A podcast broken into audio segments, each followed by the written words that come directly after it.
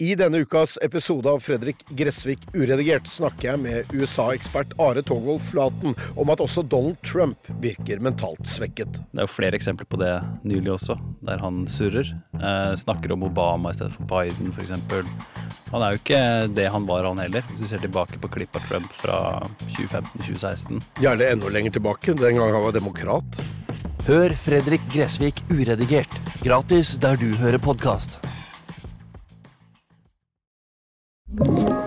En podkast fra Podplay. I over 30 år er jeg blitt sendt verden rundt som utenriksreporter. Ofte der krig og katastrofer har rammet hardt. Jeg har havnet tett på, noen ganger litt for tett på. Dette er noen av mine historier. Dette er noe av det jeg har sett og opplevd på nært hold. Jeg heter Fredrik Gressvik, og dette er podkasten Med egne øyne. I denne episoden skal jeg ta deg med tilbake til Afghanistan og noen av de hardeste slagene norske soldater har kjempet. Kamphandlinger som har kostet ti nordmenn livet.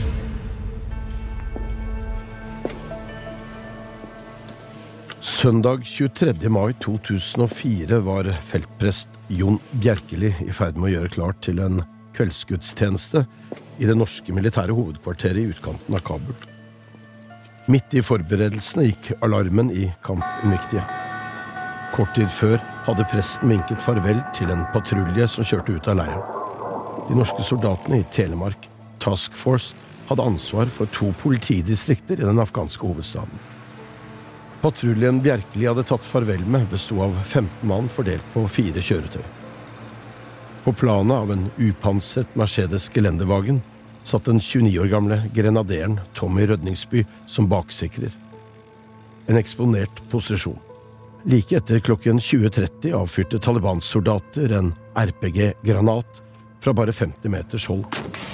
Det var en fulltreffer på bilen til Rødningsby. Han var sjanseløs. Kolonnen satte av gårde i full fart langs Kabul-Nangahar Highway til det tyskdrevne feltsykehuset like ved den norske leiren. Ved ankomst kunne legene straks konstatere at det sto om livet. Den norske soldaten var svært hardt skadet. Det gikk ikke lang tid før helsepersonellet innså at de ikke klarte å redde ham. Tommy Rødningsby ble den første norske soldaten som falt i Afghanistan. Jeg fikk et tidlig varsel fra en kontakt i Forsvaret, slik at jeg rakk å hive meg rundt og sette av gårde til Afghanistan allerede før dødsfallet var offentlig kjent. Med fly via Moskva og Aserbajdsjan til Kabul. Rødningsby ble lagt i en kiste i en kjølekonteiner i den norske leiren. Medsoldatene byttet på å stå æresvakt på utsiden, to om gangen, i respekt for den avdøde, og for å bearbeide egne følelser rundt tapet av en kamerat. Alle tok sin tørn. Fire dager etter angrepet ble båren med Tommy Rødningsby fløyet hjem til Norge. Samme år ble hoveddelen av den norske innsatsen konsentrert til Nord-Afghanistan.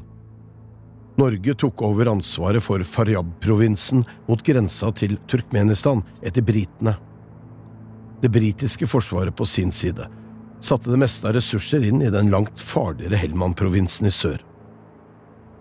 Men oppdraget i Faryab skulle med årene bli stadig mer krevende, og med gjentatte angrep mot de norske soldatene. I kjølvannet av publiseringen av de såkalte Mohammed-karikaturene i danske og norske medier kom det norske hovedkvarteret i provinshovedstaden Meimane under et voldsomt angrep fra en illsint folkemengde bevæpnet med steiner, granater og skarp ammunisjon 8. februar 2006. Nordmennene så seg nødt til å bruke dødelig makt for å unngå at leiren ble overrent. Flere norske soldater ble skadet. For noen skulle kampene forfølge dem i mange år etterpå. Slaget i Meimane ble et vendepunkt for den norske styrken. Både norske og allierte forsterkninger ble fløyet inn, og det ble vedtatt å bygge et nytt hovedkvarter ved flystripa i utkanten av byen. En base som kunne gi soldatene større trygghet. De visste nå at de hadde farlige fiender rundt seg. 23. juli 2007 dro en gruppe soldater fra Forsvarets spesialkommando på et rekognoseringsoppdrag sammen med afghanske kolleger i Logar-provinsen rett sør for Kabul. Blant soldatene var trønderen Tor Arne Lau Henriksen fra Hærens jegerkommando. Den 33 år gamle løytnanten var yrkesmilitær. Den norsk-afghanske patruljen hadde fått i oppdrag å observere og fotografere noen bygninger i en mindre landsby der en av opprørslederne holdt til. Men patruljen ble oppdaget og kom under angrep fra væpnede menn i landsbyen.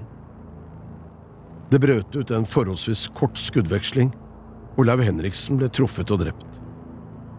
Den norske løytnanten ble fraktet tilbake til basen i Kabul. Hjemme i Norge hadde en liten jente mistet pappaen sin. Tor Arne Lau Henriksen var den første norske soldaten som ble tildelt den nye utmerkelsen Militærkorset for sin heltemodige innsats den dagen han døde. I nord fikk den norske styrken utvidet sitt ansvarsområde og overtok sikkerhetsarbeidet i de to distriktene Gormach og Kesar fra spanske styrker. Sikkerhetssituasjonen i de nye distriktene var betydelig verre enn det styrken så langt hadde vært vant til. En hurtigreaksjonsstyrke med soldater fra den profesjonelle avdelingen Telemark bataljon ble satt inn i storbyen Mazar-e Sharif. I oktober og november 2007 deltok over 200 norske soldater i kamper sammen med en rekke allierte styrker, inkludert 900 afghanere, nordvest i Afghanistan. Med kampflystøtte gikk de aggressivt til verks for å slå ned opprørere tilknyttet Taliban. Flere titalls opprørere ble drept i kampene. Mange av dødsfallene skyldtes kuler skutt av norske soldater. 20 år gamle Tone fra Trøndelag var skytter på en stormpanservogn. Da hun fikk ordre om ild, skjøt hun nærmere 30 granater mot fiendens stillinger. Forsvaret antok at mellom 20 og 25 opprørere ble drept av granatene. Jeg var i den norske leiren i Mazar-e Sharif da kampene raste, og traff Tone og de andre soldatene da de kom tilbake fra kamphandlingene. Det var jeg som trykket på avtrekkeren, men det er det norske folk gjennom Stortinget som har sendt oss til Afghanistan for å gjøre denne jobben, fortalte Tone meg. Oberstløytnant Rune Solberg kunne med stolthet erklære at mens fienden var påført betydelig tap, hadde han selv ikke mistet en eneste soldat, men det hadde vært nære på. En av toppsikrerne på en av de pansrede bilene viste meg hvordan en kule hadde slått inn i panserluken han sto lent mot. Det var centimeter om å gjøre. Den norske kontingentsjefen, oberst Ivar Saksrud, omtalte kampene i 2007 som de kraftigste regulære norske styrker hadde vært med på siden andre verdenskrig. Fienden var nå kanskje farligere enn før. Bare et par dager senere skulle det gå galt. På kvelden 7. november 2007 gikk 22 år gamle Kristoffer Sørli Jørgensen fra Stange på Hedmarken og den to år yngre sambygningen Kjetil Brakstad opp trappen til et tyrkisk charterfly som skulle frakte dem fra Gardermoen til Afghanistan. Kristoffer hadde vært hjemme på perm i noen dager. Kjetil hadde egentlig avsluttet sitt eh, Afghanistan-opphold en måned tidligere, men nå var det blitt en ledig plass, og han lot seg verve igjen. Maskinen var mindre enn halvfull, og soldatene fordelte seg utover slik at de klarte å få litt søvn underveis. De hadde jo hørt om dramaet kollegene hadde vært gjennom de siste dagene, og var forberedt på at det var tøffe tak som ventet dem. I Kabul lastet de over et mindre propellfly som tok dem til den gruslagte rullebanen i Meimane. Soldatene lastet opp på kjøretøy som brakte dem gjennom porten i muren som omkranset leiren. Det var blitt 8. november. Tidlig på kvelden satte Kristoffer og Kjetil seg i en upansret Toyota Landcruiser og kjørte mot skytebanen for at Kjetil skulle få skutt inn våpenet sitt. Kristoffer satt i førersetet. 50 meter bak fulgte en annen bil, også den med to soldater. Rett ved skytebanen var en bombe gravd ned i veien. Da vekten av bilen presset ned metallplaten som lå ved bomben, eksploderte det. Fronten ble totalt maltraktert i den voldsomme eksplosjonen. De unge mennene bak stanset opp, slo alarm via sambandet og styrtet fram mot den ødelagte bilen.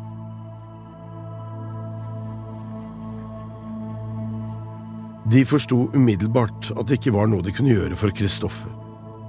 Han hadde dødd momentant. Men de dro Kjetil ut av vraket og fikk ham over i den andre bilen. Underveis, tilbake til leiren, jobbet de med å stanse 20-åringens store blødninger. Begge lungene hadde kollapset. Det hastet å få ham til medisinsk personell. Den tyske kirurgen Herbert Port var på det norskdrevne feltsykehuset i Meymaneh da Kjetil kom inn dørene. Dagen etter fortalte Port meg at Kjetil ikke hadde klart seg om han hadde kommet tre–fire minutter senere. Etter at han var stabilisert etter beste evne, ble Kjetil fløyet til Mazar og derfra til Usbekistan, der et norsk ambulansefly plukket ham opp. Kjetil Brakstad mistet det ene beinet. Veibomber hadde blitt et økende problem for de amerikanskledede styrkene i Afghanistan. Nå krevde militærledelsen i Meymaneh at man gikk til anskaffelser av flere pansrede kjøretøy, men mer panser betyr kraftigere bomber. Det hadde man erfart i Irak. De skarpe operasjonene og veibomben som drepte Kristoffer, blottla flere mangler ved det norske bidraget. Kravet var at man fikk permanent tilstedeværelse av kirurger ved feltsykehuset. Det kom også et krav om at man fikk på plass helikoptre, slik at sårede soldater raskt kunne forflyttes til sykehus. Kravene ble etterkommet. 29. april 2009 var Ullern kirke i Oslo fullsatt.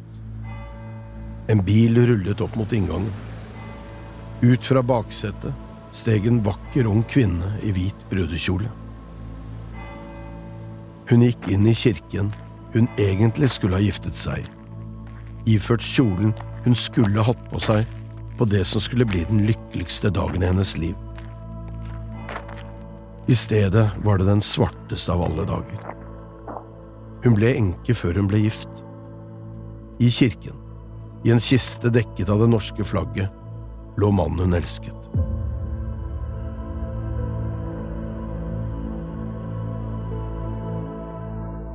Nesten to uker tidligere satte den 30 år gamle norske etterretningsoffiseren Trond Petter Kolset seg inn i en landcruiser i leiren i Mazar-e Sharif. Han skulle til Meymaneh, hvor kjæresten tjenestegjorde. Hun gledet seg til å se ham. Planene var lagt for et liv sammen. De skulle bare gjøre seg ferdig med Afghanistan først. Samtidig som den militære kolonnen forlot Mazar, gjorde 18 år gamle Abdul Bassed seg klar til å bli martyr. Taliban-krigeren hadde lastet opp bilen med sprengstoff og visste at han kom til å dø. Da kolonnen med kaptein Kolseth og de andre soldatene hadde kommet noen få kilometer vest for Mazar, utløste Basset bomben som tok livet av ham selv og Trond Petter Kolseth. En annen norsk soldat ble skadet. Kolseth ble fraktet til det tyske sykehuset i Mazar, hvor han ble erklært død 10.09. Tolv dager senere var det altså begravelse i Oslo. Ung, sterk, begavet, frisk, nyforlovet. Forsvarets prest Reidar Kirkvold så på den sønderknuste kvinnen som sørget i sin hvite brudekjole mens han beskrev Trond Petter Kolset. Var du drøm, var du te, var du hud, var du blod, jeg kan høre deg le, jeg kan huske deg glo, sang Hanne Krogh i en kirke full av blanke øyne.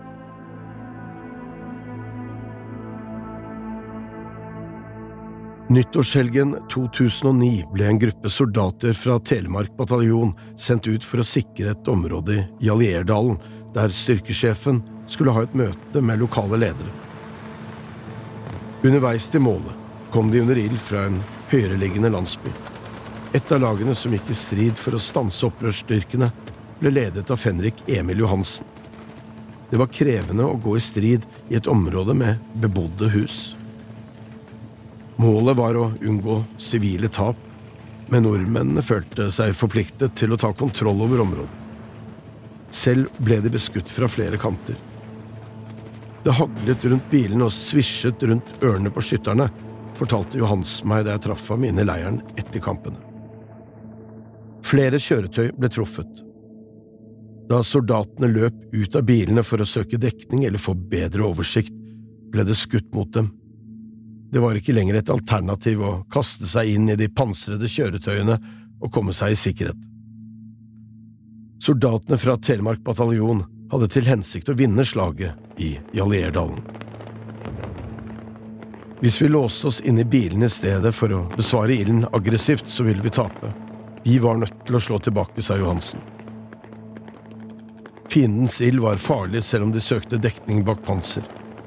Det ble skutt med panserbrytende granater mot de norske soldatene. Det var intenst. De ble angrepet fra mange hold, blant annet fra bebyggelsen. Taliban skjøt fra landsbyen, men angrepet mot nordmennene var mot landsbybeboernes vilje. De opplevde stadig at Taliban kom til landsbyen og forlangte det de kalte religiøs skatt. I realiteten stjal de med seg mat. Det var ikke stort å plyndre fra den fattige landsbybefolkningen, men Taliban forlangte andeler av saueflokkene i området. Taliban hadde for vane å banke opp landsbymennene når de ikke fikk det som de ville. Landsbybeboerne som hadde mulighet, dro med seg ungene og løp vekk fra kamphandlingene. Andre søkte dekning inne i husene sine. Mye av ilden kom fra vinduer og dører i de enkle leirhusene på det lille platået over dalen. Idet nordmennene kjørte inn i landsbyen, økte fiendens ildgivning. Sakte presset de norske soldatene opprørerne tilbake. Flere av opprørerne søkte dekning i bolighusene, mens nordmennene gjorde fremstøt til fots. Det ble gitt ordre om ikke å kaste sprenggranater inn i husene, i frykt for å ramme sivile. Dører ble slått inn. De norske soldatenes høye rop levnet liten tvil om at de mente alvor. At det ville bli skutt om ikke alle forholdt seg i ro. Vettskremte småunger ble fanget i kampene, og nordmennene oppfattet at eh, opprørerne brukte de sivile som skjold. Sivilbefolkningen havnet uansett i midten. I hele sju timer pågikk kampene før de norske soldatene bestemte seg for å gjennomsøke husene i landsbyen. Noen av opprørerne ble drept, andre skadet. Trolig klarte de fleste å komme seg unna før nordmennene endevendte landsbyen. Etter kampene traff jeg major Rune Wenneberg, som sa at han hadde vært i Afghanistan en rekke ganger de siste fem årene, og at han nå opplevde en helt annen intensitet enn før. Det var blitt farligere å være norsk soldat i Afghanistan. Flere av soldatene som deltok i kampene, ble tildelt medaljer for innsatsen. Det skulle bli verre. Klokken var ennå ikke blitt seks om morgenen da 22 år gamle Claes Joakim Olsson fra Fredrikstad pakket sammen utstyret sitt og lempet opp på panservognen han var vognfører på. Det var 25. januar 2010. Stedet var Gormatsch. Telemark bataljons kompani MEC 4 hadde vært i Gormatsch i tre uker. Under kummerlige forhold og under stadige angrep. Nå så soldatene frem til å komme tilbake til komforten i leiren i Maimane. Til senger og en varm dusj. Til skikkelige toaletter. Jokke, som den unge Fredrikstad-mannen ble kalt, klemte seg ned på den trange vognførerplassen helt foran og så dypt ned i det beltedrevne kjøretøyet som mulig. Han satt ved beltet på venstre hånd. Foran vognkommandør Stian Moe. Jokke fyrte opp vognen, og så satte kolonnen med soldater seg i bevegelse. Ved siden av Stian sto vognas skytter, Andreas Frisk, med hodet opp av stridsvognsluka. Elleve norske kjøretøy med rundt 40 soldater var på vei til Meymanne. Men veien dit gikk gjennom fiendens område. Jokke førte den fremste vognen. De kom bare noen få kilometer av gårde før det smalt. Stian kjente en skarp smerte i ansiktet. Det neste han la merke til, var en merkelig lyd fra motoren før vogna ble fylt med støv og røyk. Han forsto at de hadde kjørt på en veibombe. Hvordan går det? spurte Stian Andreas, som kunne bekrefte at alt var bra. så ble den norske kolonnen beskutt fra flere kanter. Fienden hadde ventet på dem. De besvarte ilden som best de kunne, og flere kjøretøy tok oppstilling rundt vogna til Jokke, Stian og Andreas. Etter noen minutter stilnet det. Gjentatte ganger hadde Stian og Andreas ropt på Jokke. De fikk ikke svar. Stian håpet at kameraten kun var slått bevisstløs, men var mentalt forberedt på det verste da han hoppet ut med automatriflen i nevene. Nede på bakken så Stian hvor store skader bomben hadde påført dem. Deler av kjøretøyet lå strødd utover et stort område. Jokkes luke var blåst åpen. Andreas klatret ned mot den åpne luka. Jokke er død, ropte Andreas. Stian gikk frem mens han tenkte at synet som skulle møte ham, ville gi ham et sjokk. Men da han så Jokke, var han overrasket over hvor fredelig den døde kameraten så ut i alt kaoset. De fikk av ham hjelmen og dro ham ut av kjøretøyet. Tre norske helikoptre var sendt ut fra hovedkvarteret. Likposen med Jokke ble løftet inn i det ene. Det neste helikopteret som landet, tok med seg Stian og Andreas. Idet Bell-maskinen steg opp mot himmelen, kjente Stian tårene komme. I leiren i Meymaneh ble det holdt en gripende minnestund da resten av gjengen kom tilbake. Jokkes kamerater gikk inn i helikopterhangaren, der den unge mannen lå i åpen kiste. De så på ham som lå der. Flere av dem gråt. Noen brøt helt sammen. De hadde kjempet sammen tidligere og klart seg, men denne gangen hadde det gått galt. De forsto hvor sårbare de var, ikke uovervinnelige eller udødelige. 28. januar gjorde Stian Moe og Andreas Frisk seg klare til den tunge hjemreisen. De to soldatene hadde sittet i panservognen Jokke hadde ført til sin egen død. Nå stilte de seg opp på plassen foran konteineren og så kisten bli båret ut og lagt på planet på en lastebil. Bilen svingte ut på veien som gikk gjennom leiren til flystripa. Den norske feltpressen gikk først. Stian og Andreas fulgte etter med riflene hevet opp foran brystkassen. Deretter kom bilen med Jokke. Sakte, sakte bar det mot flyet. Hundrevis av soldater fra flere nasjoner, de fleste av dem tyske, sto oppstilt langs ruten. Idet bilen nådde frem til soldatene, løftet de høyre hånd opp mot Berreten og hilste. En bølge av hender ble hevet på begge sider av Jokkes kiste i en siste hilsen og tegn på respekt fra kollegene i Afghanistan. Enda en norsk soldat var på vei hjem fra krigen i kiste. Flere skulle snart følge. Vi minnes Joakim som den stolte kriger og flotte soldat han var, sa bataljonssjefen oberstløytnant Frank Størland til en fullsatt kirke i gamlebyen i Fredrikstad under begravelsen 5. februar. Husk at Joakim, som en av våre falne kamerater, aldri blir glemt. Joakim ga sitt liv for Norge. Størland løftet opp Jokkes medaljebrett og bar det bort til den døde soldatens sørgende mor. Til høyre på brettet var beviset på at sønnen var falt i strid, i en krig svært mange ikke forsto hvorfor han kjempet.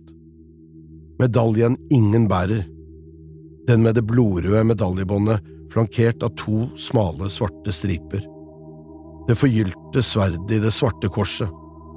Forsvarets medalje for falne i strid. Helt fremme, til venstre for alle kransene, satt to unge menn og stirret på kisten der tredjemann lå. Stian og Andreas hadde utført oppdraget. De hadde fulgt Jokke hjem, helt hjem. På høyre side satt vennene fra hjemstedet, unge, snufsende og med livet foran seg. Kompisene han hadde rast rundt mellom holmene i skjærgården med om sommeren, var der. Selv om du var den minste av skutta, var du sterk som en okse, sa en av dem. Tre unge menn fra Fredrikstad tok farvel med sistemann i firkløveret. Du var en av oss, du. Du hadde et hjerte av gull. Idet kisten og følget kom fram til gravplassen med Gressvik kirke, brølte noen jagerfly forbi et sted oppe i skydekket. To gardister sto klare med signalhorn ved graven og spilte bønnesignalet da kisten med Jokke ble senket ned i den kalde jorden.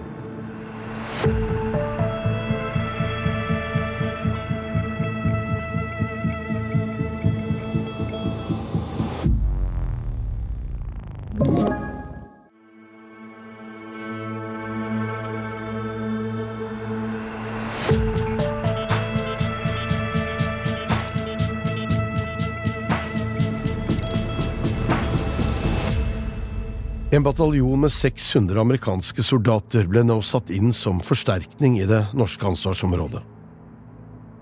Det dro seg til, og nå lot endelig forsvarsledelsen hjemme i Norge TV 2s fotograf Åge Aune og undertegnede få reise ut i kamp med de norske soldatene. Noen måtte dokumentere hva slags helvete også denne delen av Afghanistan hadde utviklet seg til å bli. Det ble noen reiser med svært intense øyeblikk. Taliban-lederen man mente var hovedmannen bak angrepet som drepte Jokke, ble drept i kamp med norske, afghanske og amerikanske soldater et halvt år senere. 2010 skulle vise seg å bli et særdeles tøft år. Åge og jeg hadde lang erfaring med å følge soldater i strid, ikke minst fra flere turer med amerikanske marineinfanterister i Fallujah i Irak, samt med danske og britiske styrker i Helmand-provinsen sør i Afghanistan. Vi hadde begge lengre erfaring fra Forsvaret enn kun førstegangstjenesten. Selv hadde jeg tjenestegjort som informasjonsoffiser i en krigssone i over ett år tidlig på 90-tallet, i Libanon. 9. april 2010 rullet vi ut fra den norske leiren i Meymaneh. Vår arbeidsplass var buken i en CV90, samme type vogn som Jokke hadde ført. Det gikk ikke lang tid før vi kom under ild. Kuler slo inn i panseret, granater ble skutt, kveldshimmelen lyst opp av dødelig sporlys. Reportasjen om de norske soldatenes brutale hverdag var viktige. Politikerne og velgerne trengte å få høre sannheten. Det var farlig, men meningsfylt. Allerede i firetiden om morgenen 2. mai var de norske kystjegerne fra observasjonslaget mot Navy i gang med forberedelsene til dagens oppdrag. Uvitende om at de i løpet av dagen ville skrive norsk krigshistorie, pakket soldatene sammen etter en natt i Gormatsch, den mest utsatte og framskutte basen norske soldater har hatt ansvaret for i Nord-Afghanistan. Kystjegeren hadde utmerket seg i strid ved en rekke anledninger. Kamperfaringene skulle komme godt med denne dagen. Forberedelsene gikk raskt. Måneder og år med samtrening gjør soldater effektive. Tannpuss, toalettbesøk og oppakking ble unnagjort i delvis trygghet bak enorme sekker fylt av store mengder jord og grus. Det ble brettet ut kart og utstyret kontrollert. Skuddsikre vester, våpen, ammunisjon, kniver, sigaretter og snus. Alt hadde sin faste plass. Reimer ble strammet. Det var det tidligste laget. De fikk likevel i seg noe som kunne ligne en frokost. Knekkebrød med smørost, litt vann, en kopp varm kaffe. Det ble holdt en kort brief om dagens oppdrag. Nordmennenes oppgave var å kjøre ut fra basen sammen med soldater fra den afghanske hæren, før de skulle skille lag med afghanerne og fortsette på egen hånd. Målet var en landsby, Tutakdalen, på den andre siden av det nærmeste fjellmassivet sør. Der skulle de møte noen eldre, de som styrte landsbyen. Det handlet, som så ofte, om å forklare afghanerne formålet med den utenlandske tilstedeværelsen, om å forsøke å innhente etterretningsinformasjon. Det var et krevende oppdrag i et land der det å stole på de fremmede med god grunn ikke er en velutviklet egenskap. 16 norske menn lastet opp på de pansrede Ivecoene og de langt mindre beskyttede, men mer manøvrerbare sekshjulingene. Gjorde våpnene klare til strid og rullet ut porten rundt klokken 0500. Taliban 200 meter, sto det skrevet på et skilt. Humoristisk, men ikke desto mindre sant, og en nødvendig påminnelse om hva som ventet der ute. En fiende de sjelden visste hvor var, eller hvordan så ut. Vidar sto med øvre del av overkroppen i en åpen, rund luke i taket. Luken ga beskyttelse fra én side. Hjelm og skuddsikker vest var på, men han var mer sårbar enn føreren og vognkommandøren inne i bilen.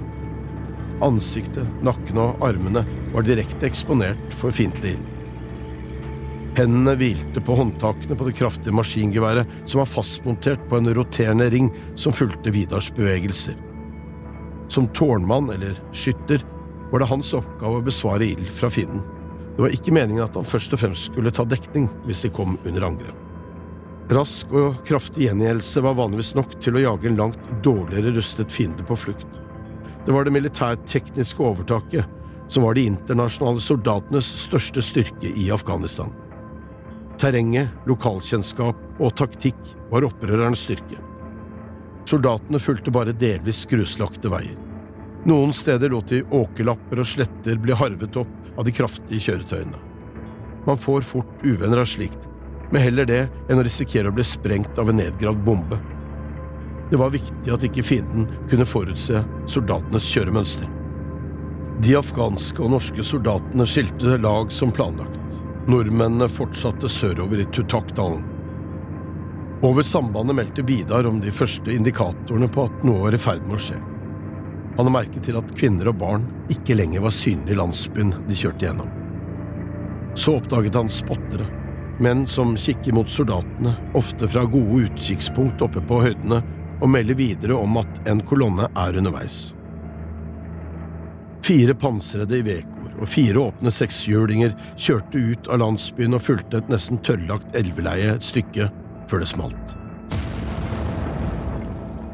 De ble tatt under ild og besvarte umiddelbart. En av soldatene kalte inn flystøtte. To amerikanske F-18-fly var bare ti minutter unna, men hadde lite drivstoff og kunne ikke gi støtte særlig lenge. Det ble bestemt at gruppe med de norske soldatene skulle snu og kjøre tilbake. Flyene fulgte de norske soldatene et lite stykke før de ble tvunget til å returnere til basen for etterfylling av drivstoff. I landsbyen ble de møtt av sporadiske byger fra automatvåpen.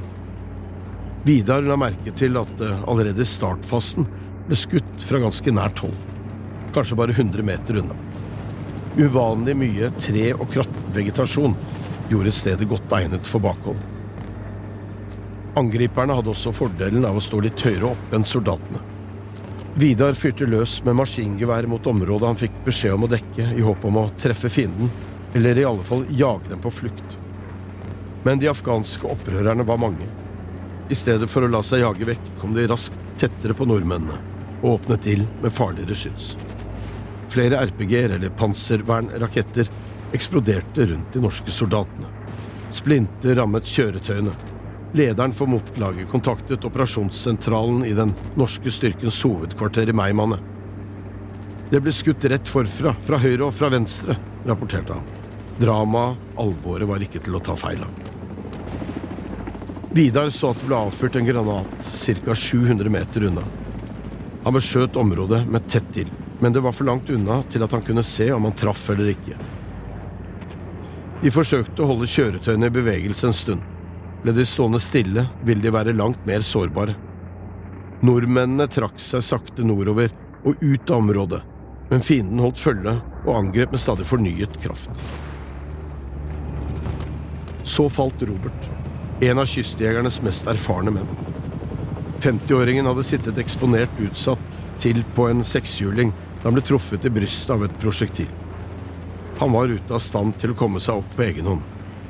De pansrede bilene ble kjørt i stilling rundt den svære krigeren, der han lå skutt og såret på bakken. Målet var å sikre området han lå i, og raskest mulig få ham inn i et kjøretøy og under behandling. En granatsplint slo inn i den skuddsikre frontruten på en av de sandfargede Ivecoene.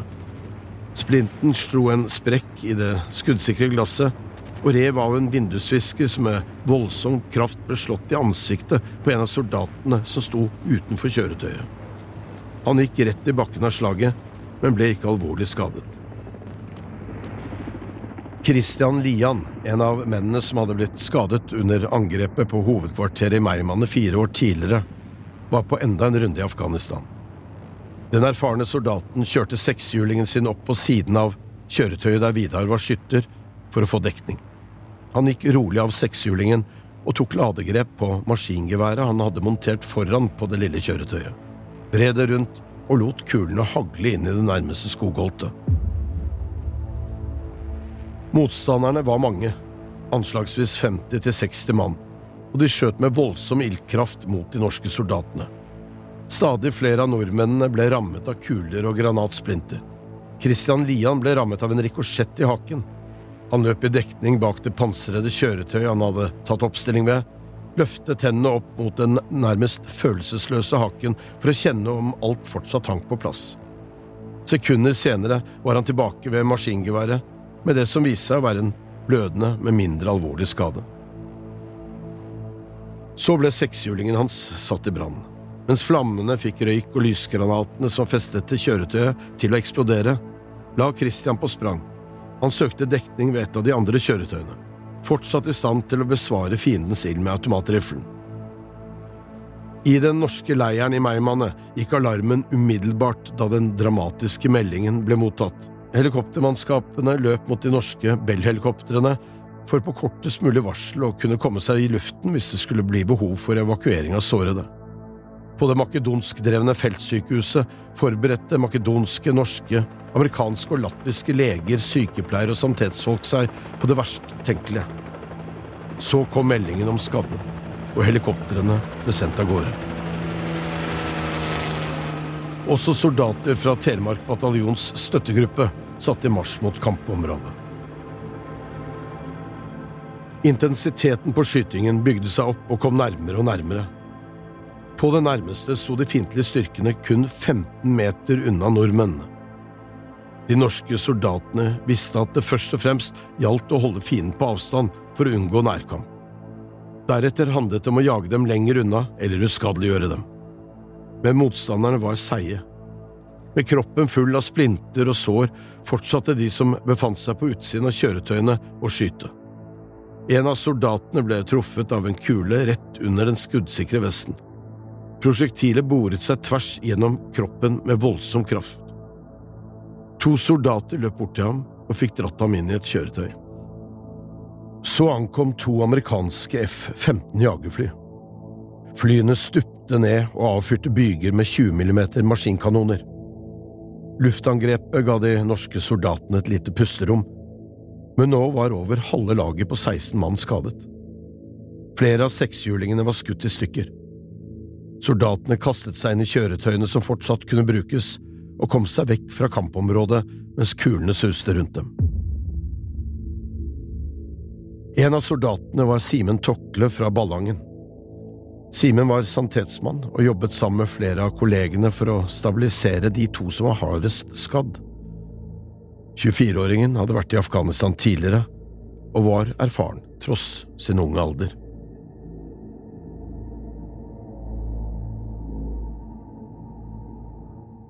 Nordmennene kom seg i sikkerhet og fikk evakuert flere av de skadde ut med helikopter. For noen av dem hastet det nå med å komme til sykehus. Totalt ni norske soldater ble skadet i kampene i Tutakdalen 2. mai 2010. Nesten to måneder senere, 26. juni, kjørte en kolonne med seks biler ut fra det norske hovedkvarteret i Meymaneh med kurs mot Almar. I det ene pansrede kjøretøyet satt fire erfarne soldater. Marinejegeren Trond Bolle og kystjegeren Andreas Eljarn hadde begge Afghanistan-erfaring, men nå var de kommet som erstatning for to av de som ble skadet under kampen i Tutakdalen. Christian Lian og Simen Tokle var tilbake i full tjeneste.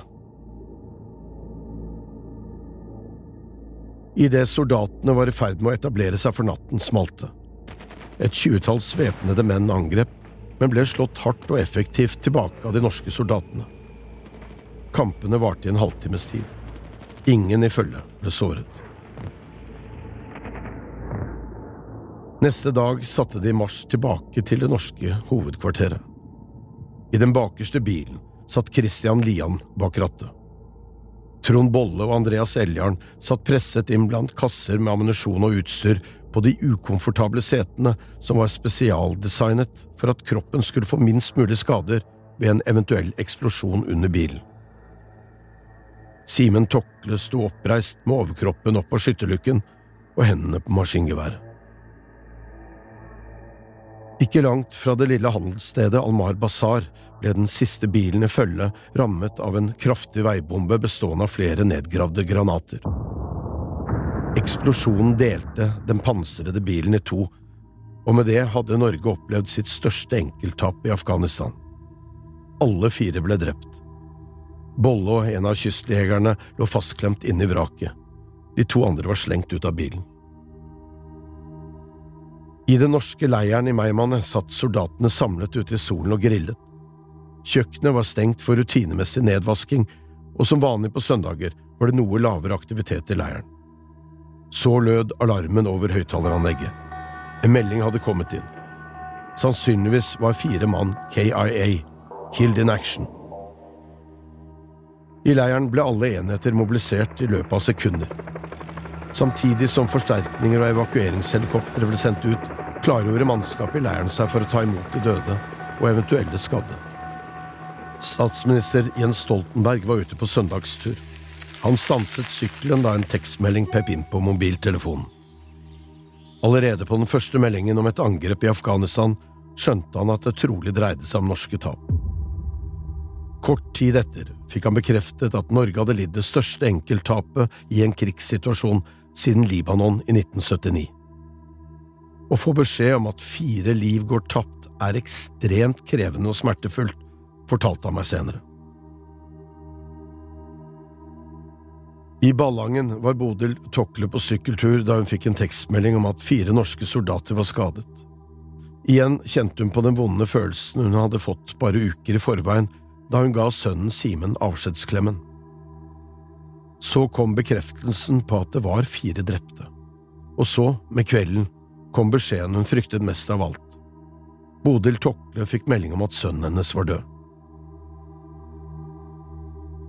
I Kristiansand hadde Anne Lian lagt seg ekstra tidlig. Rundt 22 ble hun vekket av ektemannen som sa at det satt noen nede i stuen, og at noe alvorlig hadde skjedd med Christian. Anne Lian sto opp og gikk ned til mannen som ventet. Jeg vil ikke vite noen ting, sa Anne Lian til presten. Så begynte presten å fortelle. Bjørg Gjestvang var sammen med sønnene Odin og Håkon på hytta ved Hersøn på Toten. Trond Bolles familie hadde hatt en fin og varm sommerdag. Guttene hadde lagt seg da Tronds bror Freddy ringte og lurte på om Bjørg hadde hørt fra ektemannen. En bombe hadde visst smelt i Afghanistan, norske soldater skulle være drept, men ingen navn var offentliggjort ennå. Det hadde gått mange timer.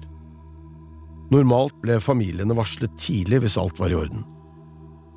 Bjørg forsøkte å slå fra seg mistanken om at noe hadde skjedd med Trond, og gikk og la seg. Så hørte hun at en bil stanset ved hytta, og at noen ropte lavt på henne. Utenfor i sommerkvelden sto lensmannen og sjefen for Marinejegerkommandoen Christian Harstad. Bjørg forsto at livet aldri ville bli som før. På Kvaløya utenfor Tromsø hadde Eljarn-familien feiret bryllup tre dager til ende. Eldstejenta Ingrid var blitt gift. Rundt 100 gjester hadde feiret de nygifte. Men det var en som manglet. Andreas var i Afghanistan.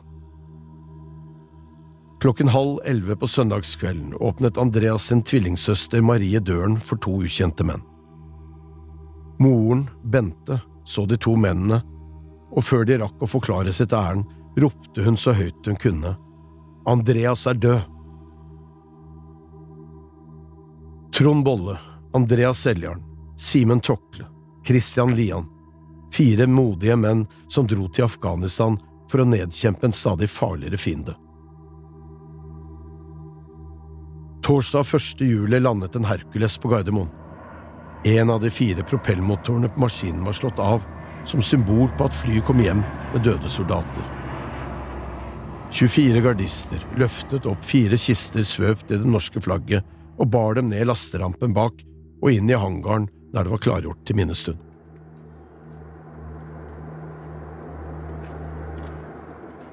I mars 2011 fikk den amerikanske pastoren Terry Jones for seg at han skulle dømme Koranen til døden, brenne den og legge hele seansen ut på nettet. Florida-pastoren, som hadde en menighet på rundt 50 mennesker, ble oppringt av forsvarsminister Robert Gates, som ba ham tenke på hvilke konsekvenser en slik handling kunne få for andre.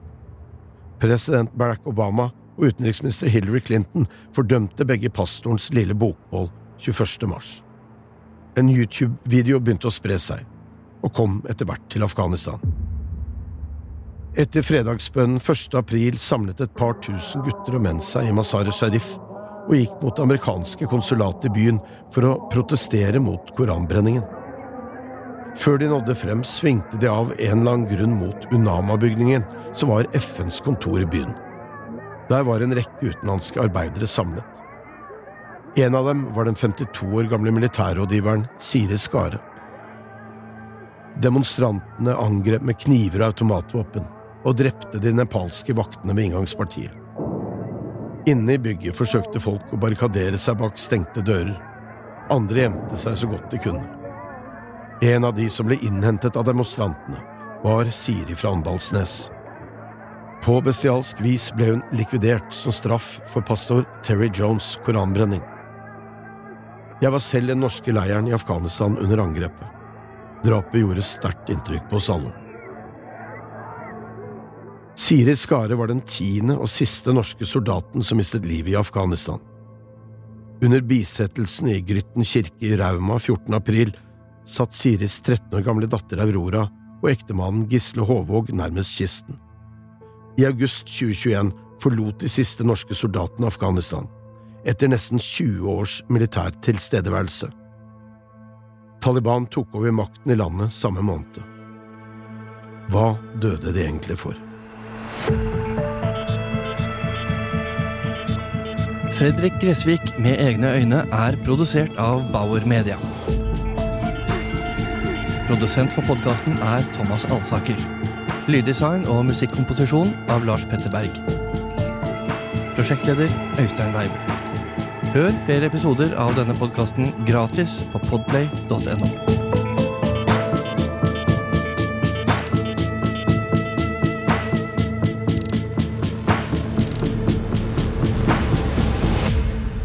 Du har hørt en podkast fra Podplay. En enklere måte å høre podkast på. Last ned appen Podplay eller se podplay.no.